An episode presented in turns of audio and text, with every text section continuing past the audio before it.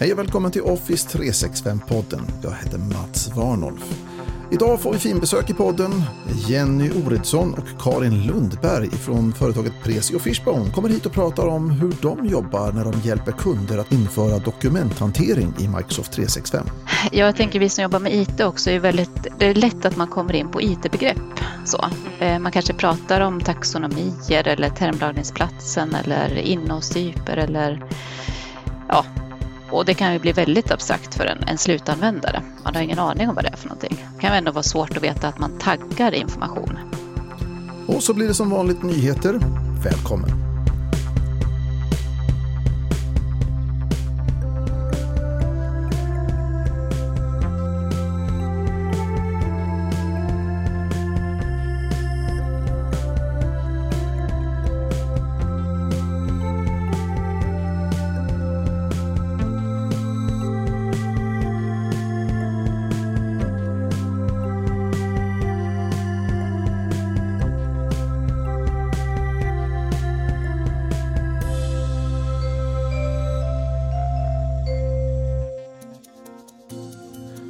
Nu ska du få träffa två stycken kunniga och erfarna experter på dokumenthantering i Microsoft 365.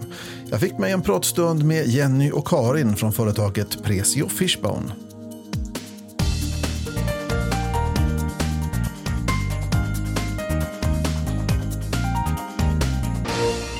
Jag heter Karin Lundberg, jag bor i Borlänge, Eh, jobbar på Presio Fishbone har som huvudsaklig arbetsuppgift projektledare och förvaltningsledare, workshopledare, förstudier, kravinsamling, lite säljstöd, eh, lite allt möjligt faktiskt, men eh, baserat på SharePoint, Microsoft 365, eh, både vår egen produkt och för intranät och standard.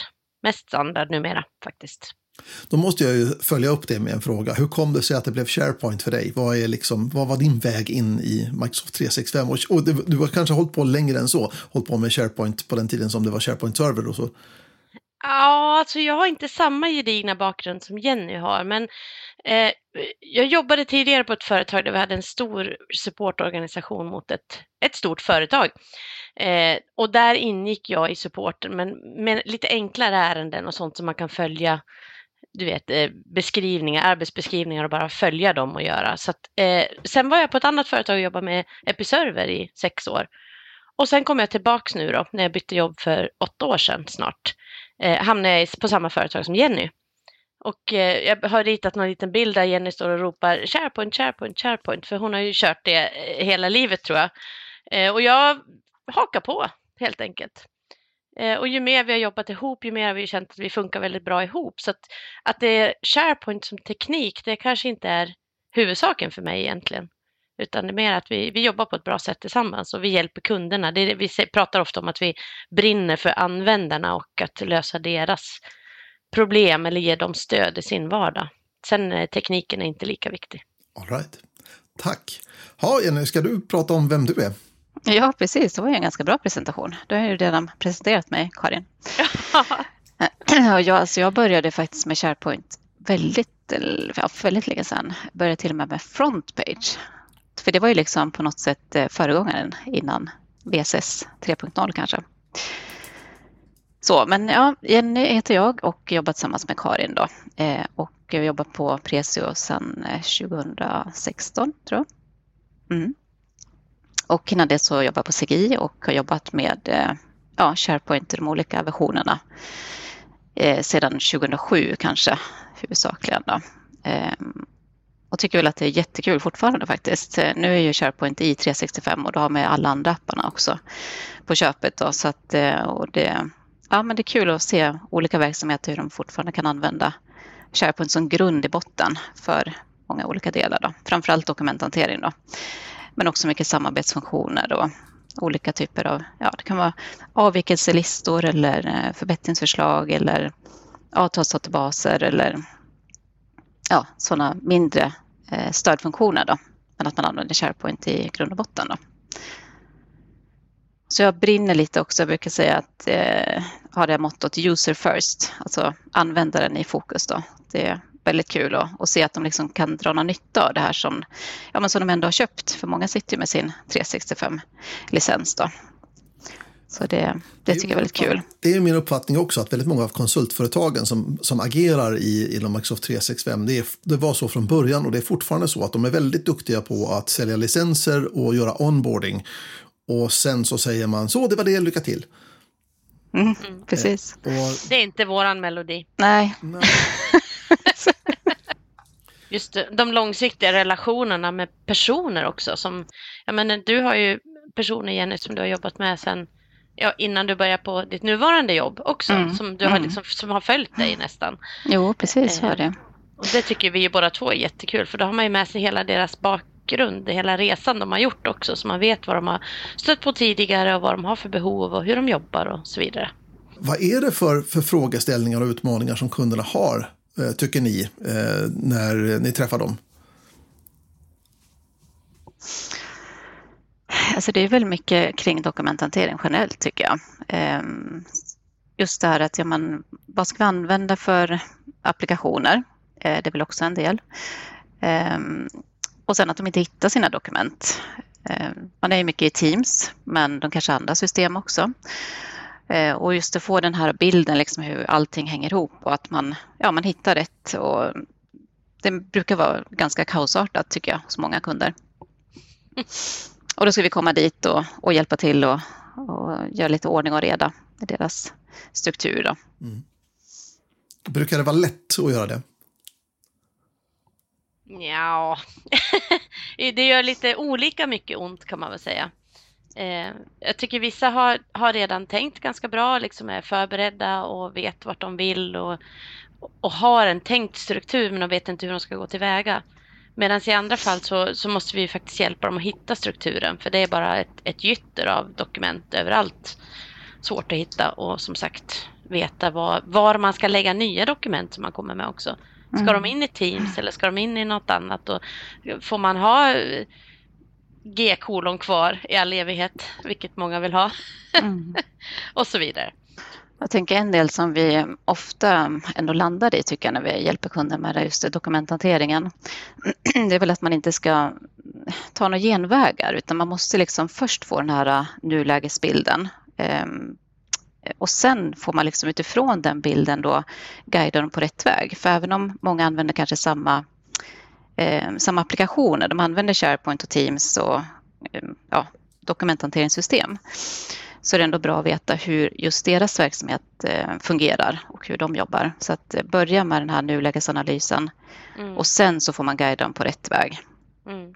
Och många hamnar ju ändå i att man liksom vill ha någon typ av eh, dokumentcenterlösning där man vet att ja, men det som ligger här, det är ändå de officiella och de, eh, de verkliga, riktiga dokumenten som gäller för alla inom, inom organisationen eller verksamheten. Då. Så det tycker jag ändå att många kunder landar i det.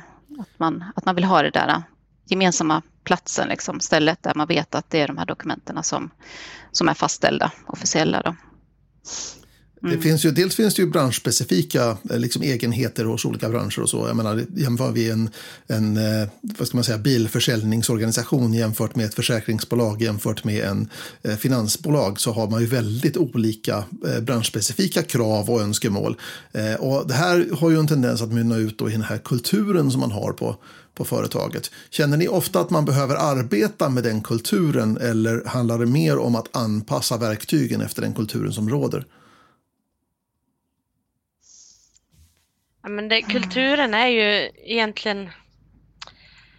Den kanske man inte kan rå på så mycket när man kommer in som konsult, men däremot att, att styra upp eller försöka få dem att tänka i nya banor. Det är ofta det det handlar om för vår del, att, att ställa rätt frågor så att de kanske börjar fundera över sina arbetssätt och sina, eh, ja, sina strukturer som de jobbar efter idag.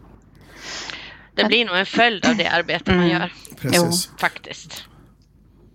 Mm riktlinjer eller implementation? Vad är det liksom som kommer först? Precis. Det är en väldigt bra fråga, tycker jag. Nej, men vi har ju kunder som har liksom gått åt båda hållen. Då. Antingen så börjar man med en riktlinje eller så börjar man med någon typ av eh, lättare implementation och liksom testar ett, ett koncept då, som mynnar ut i, i några riktlinjer. Då. Eh, och eh, jag tror att vi landar i att det kanske alltid är bättre att man har någonting konkret att utgå ifrån. För det kan vara ganska abstrakt för användarna om man har riktlinjer där det står att du ska jobba med de här dokumenttyperna och du ska använda de här verktygen. När man inte vet vad det innebär riktigt. Så att eh, jag, vet inte, jag tycker det känns lite som att om man om du eh, jag ska bygga nytt, du kanske vill eh, ha ett nytt kök hemma Eh, då vill du gärna liksom se hur det här köket ska se ut innan. Du kanske använder något eh, ritverktyg för att placera diskhon på rätt ställe och eh, kylskåpet på rätt ställe. Och på jag tycker det kan liknas lite vid det här dokumentcenter eller dokumenthanteringen, att man också vill se det här framför sig innan man på något sätt fastställer de här riktlinjerna. Att man gör någon, vi brukar kalla det för en POC, då, att man gör en proof of concept för att verifiera det som man sedan är på väg in i. Då och se att användarna är med på tåget också. För att eh, det kan ju vara så att man formulerar riktlinjer som eh, någon ledning beslutar och sen blir det totalt fiasko för att ingen användare förstår. Jag håller med om att man behöver bygga någon, någon slags proof of concept. Man behöver ha någonting att visa upp, någonting att förhålla sig till. Jag tänker ofta på Henry Fords gamla eh, talesätt där, så här, om jag hade frågat mina kunder vad de ville ha hade de sagt en snabbare häst. Mm. Mm. Det, är, det är liksom svårt att föreställa sig vad som är möjligt. Mm. Ja, det är jättesvårt. Det, är det. Ja. det, blir väldigt abstrakt för dem. Mm. Jag tänker vi som jobbar med IT också, är väldigt, det är lätt att man kommer in på IT-begrepp. Så. Mm. Eh, man kanske pratar om taxonomier eller termlagringsplatsen eller innehållstyper eller ja, och det kan ju bli väldigt abstrakt för en, en slutanvändare. Man har ingen aning om vad det är för någonting. Det kan ändå vara svårt att veta att man taggar information. Ja. Bara det kan ju vara svårt att, att förstå mm. vad det innebär. Sen finns det dessutom begrepp i verksamheterna ibland som krockar med våra mm. begrepp. Ja. Så att vi använder ordet taxonomi men för en kund så betyder det någonting helt annat. Så, och det var vi med om alldeles nyligen. Vi blev lite förvånade men det, ja, så kan det vara. Då gäller det ju att mm. anpassa sitt språk så att kunden förstår. Vad är själva grejen då? Varför vill man ha en enhetlig dokumenthantering? Jag menar, de här organisationerna har ju oftast existerat bra länge innan vi kom in och innan SharePoint dök upp i, i saker och ting. Kan man liksom inte bara köra på i samma... Jo, det kan man väl. Men det är bättre om man eh, tänker igenom det strukturera upp saker. Jag tänker framförallt mm. på sökfunktionaliteten som Jenny nämnde. Eh, för jag tror att mängden dokument ökar, känns som att det gör det för varje år som går. Inom alla organisationer. Och då blir det ännu svårare att hitta till slut. Ja, men så är det ju självklart. Mm. För att söket ska fungera så ställer det ganska mycket krav på taggning av dokument. Och... Men det kan också vara någonting som är bra att visa, tänka att, att de förstår det här ja, men taggning till exempel. Ja, varför behöver vi det? Nu kanske inte så många som använder Blocket längre, men det var någonting som vi använde tidigare och sa att ja, men om du går till Blocket och letar efter någonting, då använder du de här filtreringarna för att hitta rätt vara som du vill köpa. Då. En bil till exempel som ska vara röd eller blå. Och har du inte taggat dina dokument, ja, då är det svårt att liksom hitta rätt dokument eller rätt bil. Då. Mm. Så det brukar vi försöka liksom att och förklara då. Och då brukar de ju kanske förstå vitsen med det här. Liksom att ja, men det är nog viktigt att jag kanske sätter min stämpel eller min taggning på dokumentet. Så att jag senare då kan hitta rätt. Då. Det här, här, finns ju också ett, eh, vad ska man säga, en, en, en vågskål i det här. Jag menar, vi vet ju att om, om jag ska in med 20 metadatapunkter för varje dokument jag skapar så slutar jag snart att stoppa in dem där. Mm, precis. Så är det. det är ju, kan ju vara kunder som också säger att nej, men det är väl onödigt. Vi har ju så bra sök. Den hittar ju allting ändå. Eh, och det gör den ju säkert. Men eh, det är ju lättare att vi liksom kan eh, få fram en struktur kanske. Bygga en struktur utifrån all metadata eller all information som vi har taggat dokumenten med. Då. Så jag tänker att det är nästan som en förutsättning för att man ska eh, strukturera, kanske inom ett eh, team ett, eller ett arbetsrum, ett samarbetsrum. Så har du inte den här metadatan då, kan du inte, liksom, då har du inte förutsättningarna för att bygga strukturen inom det, eh, det rummet eller den ytan då, som man är och jobbar i. Då. När ni går in eh, som eh, leverantör, när ni träffar en ny kund och så vidare, då, hur mycket arbete eh, tänker ni att kunden behöver göra själv först egentligen innan ni kommer in och, och börjar rycka i saker och ting? Eller vill ni vara med och hjälpa dem och, och göra dokumentinventeringar eller vad det nu handlar om? Eller föredrar ni att kunden har förberett sig på något vis innan, de, innan ni dyker upp? Ja, svår fråga, men alltså, nog känns det som att resultatet blir bättre ju tidigare vi kommer in och mm. jobbar tillsammans med kunden. Vi kan lotsa dem lite grann och vi kan ställa de här frågorna som gör att vi får de svar, inte som vi vill ha, men som vi behöver för att kunna hjälpa dem vidare. Ehm, men det är klart, det finns ju det finns kunder som har gjort förarbete också som har varit positivt och så att man har fått en kortare resa kanske fram till den slutliga lösningen. Vad säger du Jenny? Mm. Ja, jag tycker också att det beror lite på men eh, jag tror att det kan vara bra i alla fall att man Oftast har ju kunden ett problem. Det är ofta då vi kommer in liksom för, för att det är jobbigt. Och då är det ofta för att de har inte den här strukturen eller ja, de hittar inte rätt dokument och ja, det är lite kaosartat. Det är ofta då vi kommer in. Mm. Eller att ledningen, det kan ju också vara de scenarierna där ledningen kommit på att ja, men det här var ju coolt med lite nya funktioner. Ja, nu som Copilot till exempel. Nu ska vi ha in lite nya delar i vår, vår miljö här och nya arbetssätt. Då. Så det finns ju också i och för sig. Då, men, men det är nog bra om man är med ganska tidigt. Och just, mm. jag, jag, tror fortfarande att just den här att man börjar med en analysen och ser liksom, hur ser det ut i den här verksamheten? Vad är det för någonting som är det, det största problemet? Och, och sen utifrån det då hitta vägen framåt. Då. Mm. Um, där jobbar vi gärna i workshopform också mm. så att vi mm. har flera mm. representanter från organisationen. Så att det inte bara är en liten projektgrupp på två, tre personer utan vi har haft workshops med 15-20 personer ibland. Eh, digitala och eh, levande höll jag på att säga. Men sen 2020 så har det mestadels varit digitala. Men jobba med lappövningar och försöka brainstorma och få, ut, få ur användaren så mycket information som möjligt. Sen kan vi hjälpa dem att strukturera den när vi väl har fått liksom rådatat. Ja, ibland så tänker jag att eh, en av de viktiga sakerna som man behöver göra som organisation är att man behöver förbereda kanske verksamheten. För vi stöter ju på rätt mycket kunder som har eh, infört Teams i någon slags vild eh, covid-panik. Det, det var, var, jättebra, det var en välsignelse eh, på alla sätt och det hade inte funkat utan Teams. Men nu finns där en slags governance-skuld. Att man måste nu börja styra upp saker och ting. Eh, och eh, då hjälper det ju ibland om, om ledningarna liksom highlightat det problemet lite grann och lyft upp det så att alla är medvetna om att okej, okay, det var nödvändigt att göra så som vi gjorde, men det har lett till de här problemen och därför måste vi nu ta tag i och strukturera upp det. Eh, tycker ni att, att organisationerna eh, klarar av det själva eller behöver de hjälp med den typen av frågor också? jag tycker ofta att de, de eftersöker eh, alltså så regelverk. Hur får vi jobba? Det tycker jag är väldigt återkommande. För att det är ju så, det har ju varit fritt och då bygger man upp sina egna strukturer och, och, jobbar efter en egen, eh, ja, ett eget arbetssätt. Då. Mm. Men eh, sen är man ju också lite osäker, men hur får vi jobba? Får vi eh, använda de här apparna eller får, vi, får jag lägga mina filer i den här kanalen och, och nu har jag ju delat det här med en extern part. Hur, hur ser det ut? Får jag verkligen det? Mm. Och då kanske inte finns de här riktlinjerna. Då finns inte de på plats och då är det viktigt att man liksom går vidare i det steget då för att mm. Först se, okej okay, så här är ni jobbar, okej okay, ni behöver dela det här med externa parter.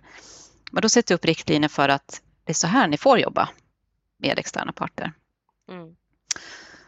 Men vem så. blir motpart när ni tar fram det regelverket? Vet, vet företagen om det här själva eller måste ni hjälpa dem att ta reda på vad som gäller för deras bransch? Nej, men de vet väl ganska väl egentligen vad som gäller. Sen vet de inte riktigt hur de ska ta sig dit alla gånger. Mm. Ja, de vet inte heller. Oftast så är de lite osäkra på, i min mening, att, eh, vad som gäller i praktiken. Ja, så mm. kan man se det, ja. Precis. Precis.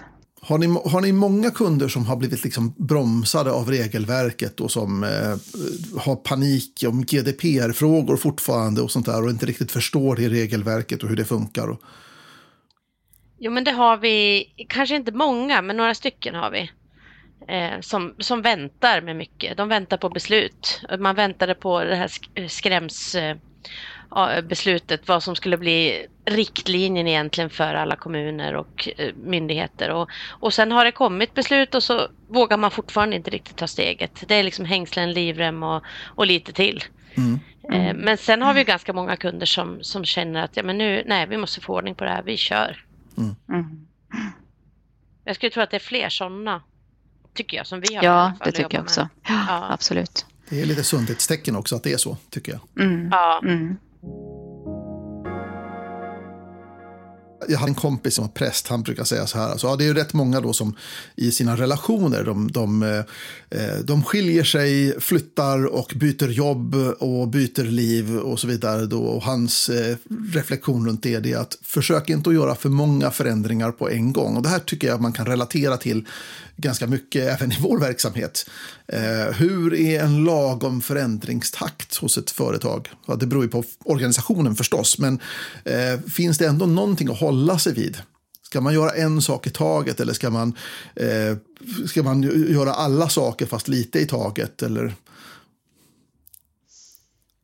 Jag tror att det också kan bero lite på faktiskt, men att man kanske inte inte gör för många förändringar samtidigt. Det är väl A och O i alla fall, så att man tar en del i taget. Och sen är det ju viktigt att man alltså följer upp där eh, hos verksamheten då, hur det har gått. Eh, har de liksom anammat det här nya arbetssättet med det, som, det nya som man infört? Eller har de fortsatt med sina gamla arbetssätt? Är de fortfarande kanske på den gamla filservern och jobbar? Mm. Så då måste man ju backa tillbaka då. Varför har man inte, eh, varför börjar man inte med det nya arbetssättet och de nya verktygen? Det måste ju finnas en anledning till det. Så att ja, lite i taget tycker jag nog ändå är mm. väl rekommendationen. Mm. Och är du då lite grann för, det, finns en del då som, eh, inklusive jag själv, som ibland har reflekterat runt, eh, ska man arbeta agilt på det sättet att man börjar med ett slags grundutförande, nu flyttar vi dokumenten hit och sen så när dokumenten finns där, då tar man nästa steg och så hänger man på lite metadata och sen så tar man nästa steg och så börjar man jobba lite grann med automation och sen så vidare. Att man arbetar med en slags ständig förbättringsprocess. Eller är det smartare i er mening att man eh, liksom kommer med mer liksom en färdig grej och så tar man den i, i bruk? Ja, men, blir man någonsin färdig, tänker jag då? Alltså det måste vara en, en, eh, en process som pågår. Och man måste omvärdera och man måste lägga till och dra bort. Man måste göra den här utvärderingen och uppföljningen då och se. Är det för mycket metadata? Är det ingen som orkar tagga och då låter man bli att göra det? Eller är det lagom? Är det rätt värden? Är det någonting annat man vill filtrera på plötsligt? Eh, så jag tänker att eh, det, ja, aldrig färdigt. Eh, och som svar på eh, det här stora införandet eller lilla, jag tror ju också, så jobbar ju vi ofta, att vi tar en liten del, kanske en enhet eller en dokumenttyp eller en, ett område. Börja där, testa det och se att det funkar. Och funkar det, om man får med sig de här, det finns ju alltid kritiker på företagen eller sådana här som sätter sig med armarna i kors och tycker att det här, nej jag skiter i det här, det här är inte för mig. Eh, får man med sig dem i första skedet, då blir de ambassadörer för det här arbetssättet vidare. Det hörde vi ju på Teamsdagen förra veckan. Eh, Södertälje kommun, de pratade om Oh, vad kallar de dem? Mentorer. Eh, mm. ja. Alltså sådana här som går före egentligen och talar väl om lösningen och visar att det funkar. Eh, och det tror jag är jättebra att, att utse sådana inom företaget eller hitta de som tar den rollen. Så att man har någon som, eh, som leder vägen framåt helt enkelt. Det är ju en arbetssätt som Microsoft har, har liksom propagerat för ganska länge. De kallar det för champions, att man har mm. för, förkämpar som går före och, och sprider, det, uh, sprider evangelium, det glada budskapet om att det funkar. Liksom. eh, och det är väl jättebra. Det är väl en jättebra tanke att man ska göra på det viset. Och eh, jag är helt med på din linje där om att man ska eh, se till att involvera de största kritikerna, de största motfallspersonerna. Ja. För, för eh, det här är också en sån uppfattning som jag har. De som är eh, fanatiska kritiker, lyckas man vända dem så blir de lika fanatiska förkämpar istället. Precis. De byter bara åsikt, metoderna är de samma. Ja, Mm, så är det nog. Så är det. Ja. Och det kan ju också vara viktigt i den här när man har den här första liksom, nulägesanalysen. För då, då, om de är med på workshopparna till exempel, då har man ju ändå med dem från, från start då. Och har möjligheten liksom att få dem på rätt bana. Eller följa upp det som de tycker är väldigt jobbigt. Och Mm. eh, försöka hitta ja, någonting som gör att det blir lättare för dem helt enkelt. Då.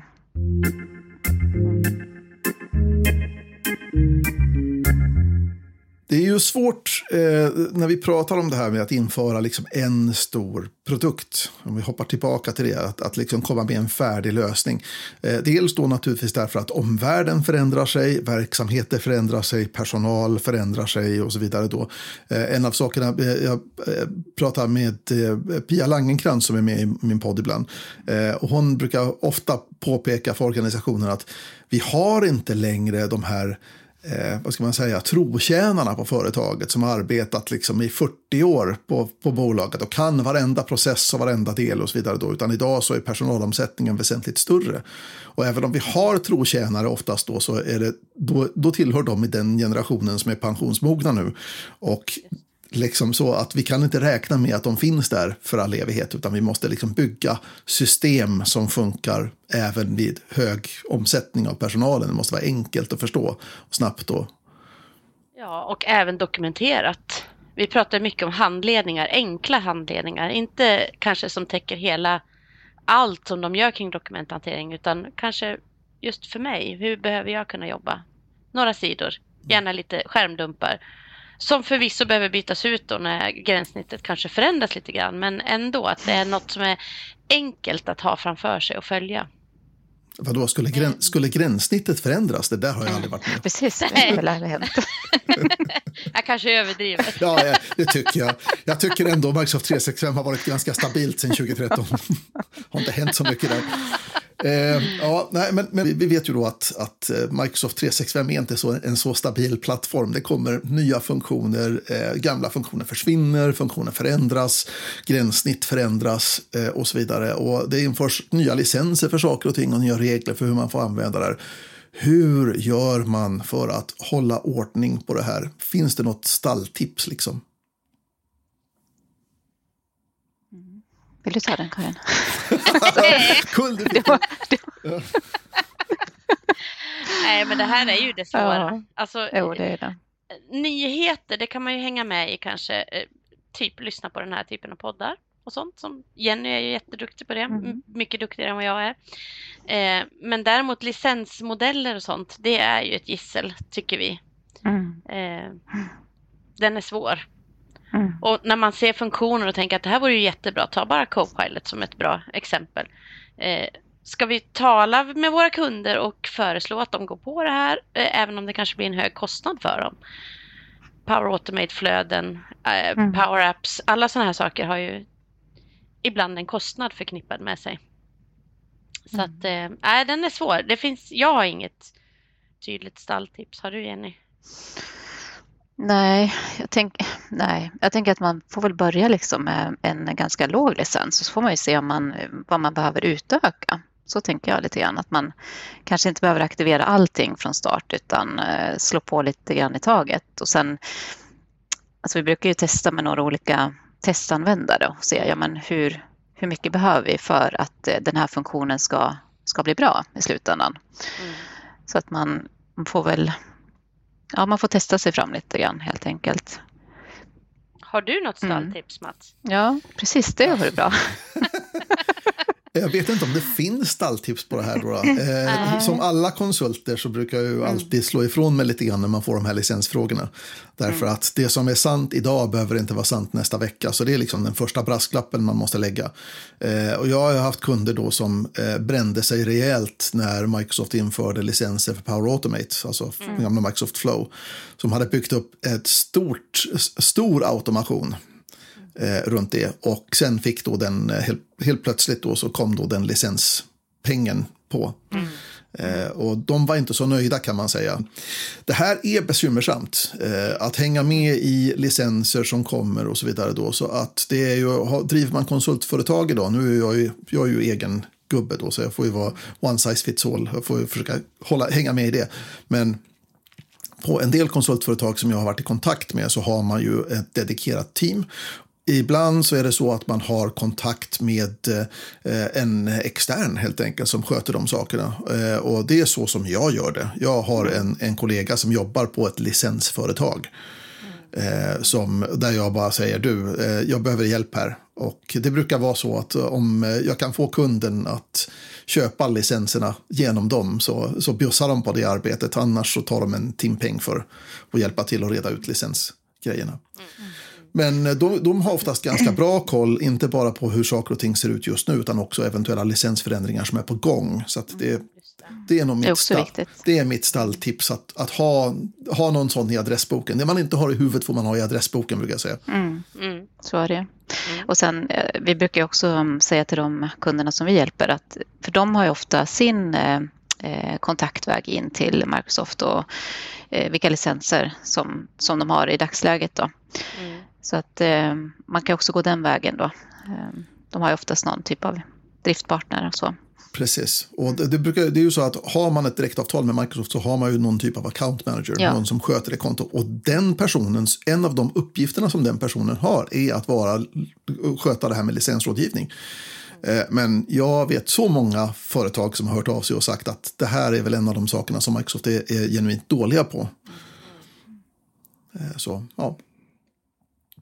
Ja, där är vi lite förskonade måste jag säga för att eh, vi, eh, vi behöver kanske inte tänka så mycket på licensen när man jobbar med dokumenthantering. Ofta så ingår ju det i den standardmodellen som många företag har. Då. Mm. Men vi, men så det är bra. Jag, jag, har ju drabbats av det här när jag har mm. eh, kikat på också med dokumenthantering och man börjar prata mm. lite grann om, om eh, automatiska etiketter och liknande saker. Mm. Och, ja, det är klart. Där är det. Då, då, då, då kommer den licenspengen. Mm. Och eh, nu då när Microsoft sa att default-etiketter är också automation så har man default-etiketter så kommer det i fortsättningen att kosta licenspengar. Mm. Och då blir man ju bara, ah, okej okay, jag ger upp. Ja. Liksom. Mm. Ja, det gäller att hänga med, så är det ju. Helt klart. Ja. När ni tar emot en ny kund, eh, hur ser liksom flödet ut eh, när ni eh, liksom angriper kundens bekymmer? Ja, men vi har ett litet koncept som vi kör, i alla fall jag och Jenny då, där vi börjar med att träffa kunden, uppstartsmöte där vi försöker känna oss för vad är det för typ av organisation, vad har de för aches and pains brukar man väl säga. Vad är det som är besvärligt för dem? Vad behöver de hjälp med? Och sen eh, vill vi gärna inledningsvis då skicka ut ett forms, formulär med lite frågor, grundläggande frågor kring det ämnet då som de vill ha hjälp med. Om det är dokumenthantering eller eh, ibland har vi ju haft även om Microsoft 365 i största allmänhet då. Men då har vi lite, lite formulär som vi kan plocka frågor ifrån som vi vill skicka ut. Ibland går den ut till ganska många i organisationen och ibland så pekar de eh, kunden ut ett fåtal. Då. Eh, det ihop då med det de säger, då sätter vi upp så att vi upp, följer upp det med en workshop. Så att vi tar resultatet från enkäten, sammanställer det, presenterar det i början på nästa workshop. Och sen kör vi de här praktiska övningarna som vi då liksom har förberett lite frågor och de får göra lite lappövningar utifrån egentligen det vi redan har analyserat i förstudien i formulären, i de svaren. Därifrån brukar vi ta fram ett förslag eller ett utkast till förslag egentligen i Excel-format. Det kan väl du kanske beskriva lite Jenny? Ja, precis. Alltså utifrån eh, den bilden vi har då så kan man ta fram liksom en grund för ett kommande, ofta är det ett dokumentcenter då, där man tar fram lite olika dokumenttyper, eh, olika krav kanske på mm, regelverk, form av vad ska det vara för metadata på vissa dokument, mm. Eh, hur länge ska det bevaras, ja, kopplat till gallring, rensning, godkännande hantering. Och sen blir det en uppföljning då med, eh, oftast har vi en referensgrupp eller olika workshopgrupper då som vi stämmer av det här eh, underlaget som vi tagit fram då. Mm. Eh, och sen brukar vi också göra en liten, alltså en liten POC, göra någon liten testyta där de liksom kan verifiera det som vi har tagit fram. Då. Mm. För det kan ju också vara lite abstrakt där. Då har vi tagit fram en, liksom en matris där med olika dokumenttyper och så ska det hända det här med det här dokumentet och, och det ska taggas med det här. Men det är först när de liksom testar det här som de ser om det, om det fungerar och om de förstår det som, som vi har tänkt. Då. Mm. Och sen kan det bli lite justeringar. Eh, de testar, verifierar och så justerar vi lite grann eh, och sen blir det oftast ett, ett införandeprojekt efter det. Mm. Eh, och då brukar vi rekommendera att man kanske börjar med, som vi sa tidigare, då, en viss avdelning eller lite avgränsat område. Så att man inte slår på för stort från start där utan man liksom börjar i vissa delar då. Så blir det en, ett eh, arbetssätt som kan sätta sig lite, ja, lite mer kontrollerat. Då. Ja, och ibland får mm. vi jobba vidare med kunden och ibland så säger de att nu klarar vi oss själva. Mm. Och då vill vi ju väldigt gärna följa upp efter en tid och se hur har det gått då. Så det hade vi för inte så länge sedan med en kund där det hade gått ett år från att vi hade en, liksom en utbildning och genomgångar det här med dokumenttyper. Så, eh, så, så sa, sa de tack och hej och så sa vi att nu vill vi gärna höra hur det har gått. Och det var jättespännande. Det har vi, vi försöker ju få till det. Det är inte alltid det är möjligt, men de här ville verkligen berätta om sin resa och det var, det var kul att höra. De hade kämpat ganska hårt eh, som ambassadörer i sin organisation. Då. Det, jag, jag hade, gjorde en liknelse där som jag gillar själv. Jag är inte så mycket för sådana här liknelser. Eller jag, kan, jag är inte så duktig på liknelser. Men i det här fallet så pratar jag om ett berg som brukar vara ganska spetsigt. Då, så att man, tar sig upp för det här berget, att börja jobba med dokumenthantering, det är ju en uppförsbacke. För det är jobbigt. Det är tufft för organisationen att anpassa sig och förstå och se nyttan. Men så småningom så kommer man ju till toppen och då börjar det gå ut för. Då börjar det gå lite lättare. Man har folk med sig, det finns dokumentation, det börjar liksom visa sig vad, vad har vi för nytta av det här. Man kan kanske ser att ja, men om jag taggar mina dokument och lägger dem på rätt ställe, ja då har jag personlig nytta av det i framtiden. Och de var precis på toppen sa de. De håller på, höll på, de såg nedförsbacken framför sig. Eller roligt. såg ett nytt berg, Karin. Ja, ja det skulle vi inte säga Jenny. Nej, just det. Ljuset i slutet på tunneln kan vara Ja, lite så. Lite så. Ja. Ja, nej, men ja. Det, är, det är ju en resa och det är jobbigt. Ja. ja. Men, eh, men gör man det och sen jag vet inte om vi nämnde också, men ibland så, så i och med att vi tar vissa dokument kanske, vissa dokumenttyper eller vissa områden, så kan man ju också säga att ja, men de här dokumenten, de rör vi inte, de får ligga där de låg. Eh, och har man dem på en filtjänst så lås dem så att man inte kan lägga dit nya, men låt de gamla dokumenten ligga där som ett arkiv och så, så behöver man inte liksom hantera varenda dokument i hela verksamheten. Mm. Nej, men det låter väl klokt. Mm. Mm. Eh, och det här går ju också väl hand i hand med, med, med när, man, när man arbetar med eh, eh, en, ett sånt här stort införande på slutet så att säga så är det enklare att göra de här uppföljningarna om man just har tagit det lite iterativt. Att man har liksom mm. jobbat med den här typen av dokument och sen så. För då kan man ju verkligen stå på axlarna på den framgången när man pratar med andra delar av organisationen när de ska ja. göra samma resa. Mm. Ja, precis. Hur kommer man i kontakt med er? Finns ni på sociala medier eller liksom, hur hittar man vad, vad ni håller på med? Ja, vi finns ju på vår webbplats naturligtvis, presiofishbomb.se. Eh, vi finns på LinkedIn, finns på Facebook också tror jag, eller hur Jenny? Mm. Ja, eh, det ska vi göra. Precis. Men, men webben framför allt har beskriver våra områden och där finns ju eh, vi, Microsoft 365-området med. Vi ska väl bli lite bättre på att dokumentera dokumenthanteringen också. Mm. och, och, slå lite slag för det så att eh, det blir tydligare. Men Presio Fishbone går att vända sig till vem som helst.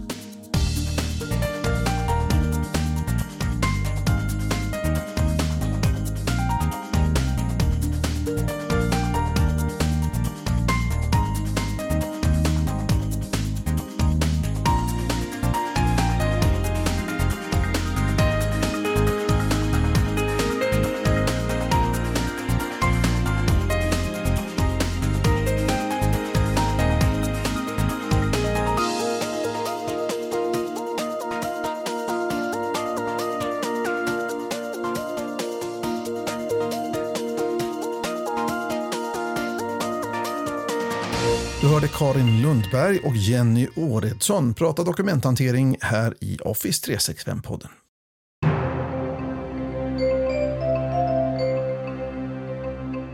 Dags för nyheter i Office 365-podden.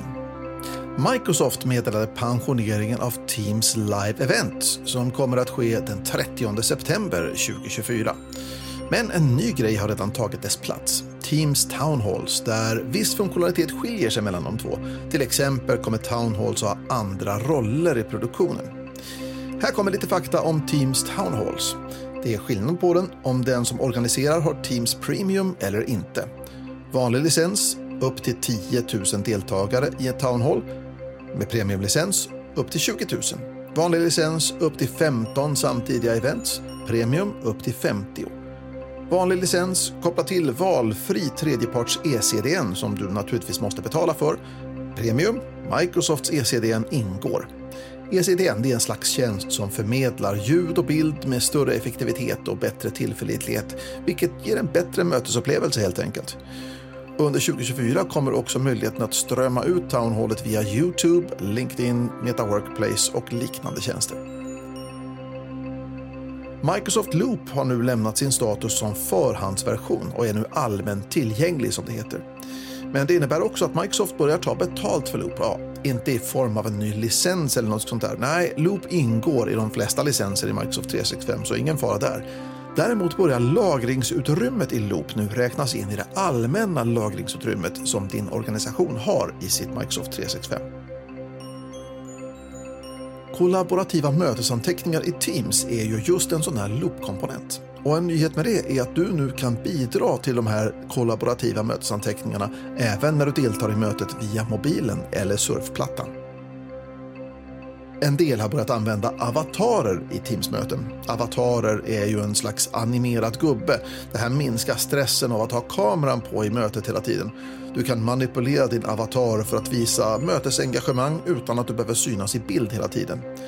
Men nu behöver admin börja slå på den här funktionaliteten genom att lägga till tjänsten Avatar för Teams i er miljö. Självklart måste vi också tillåta det här för användarna så att det är två ställen som administratören behöver gå in och fixa med det här. Och skulle det ändå inte funka så beror det sannolikt på att din dator nu har börjat längta till elektronikåtervinningen.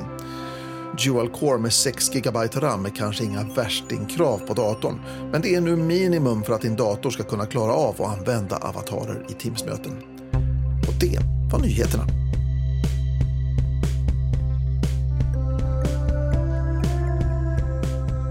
Och det var allt för Office 365-podden för den här gången. Tack till Jenny Oredsson och Karin Lundberg för att de ville dela med sig av sina erfarenheter runt dokumenthantering i Microsoft 365. Har du tankar, åsikter eller önskemål får du jättegärna höra av dig. Office365-podden at varnolf.net. Jag heter Mats Warnolf. Ha en trevlig vecka. Hej!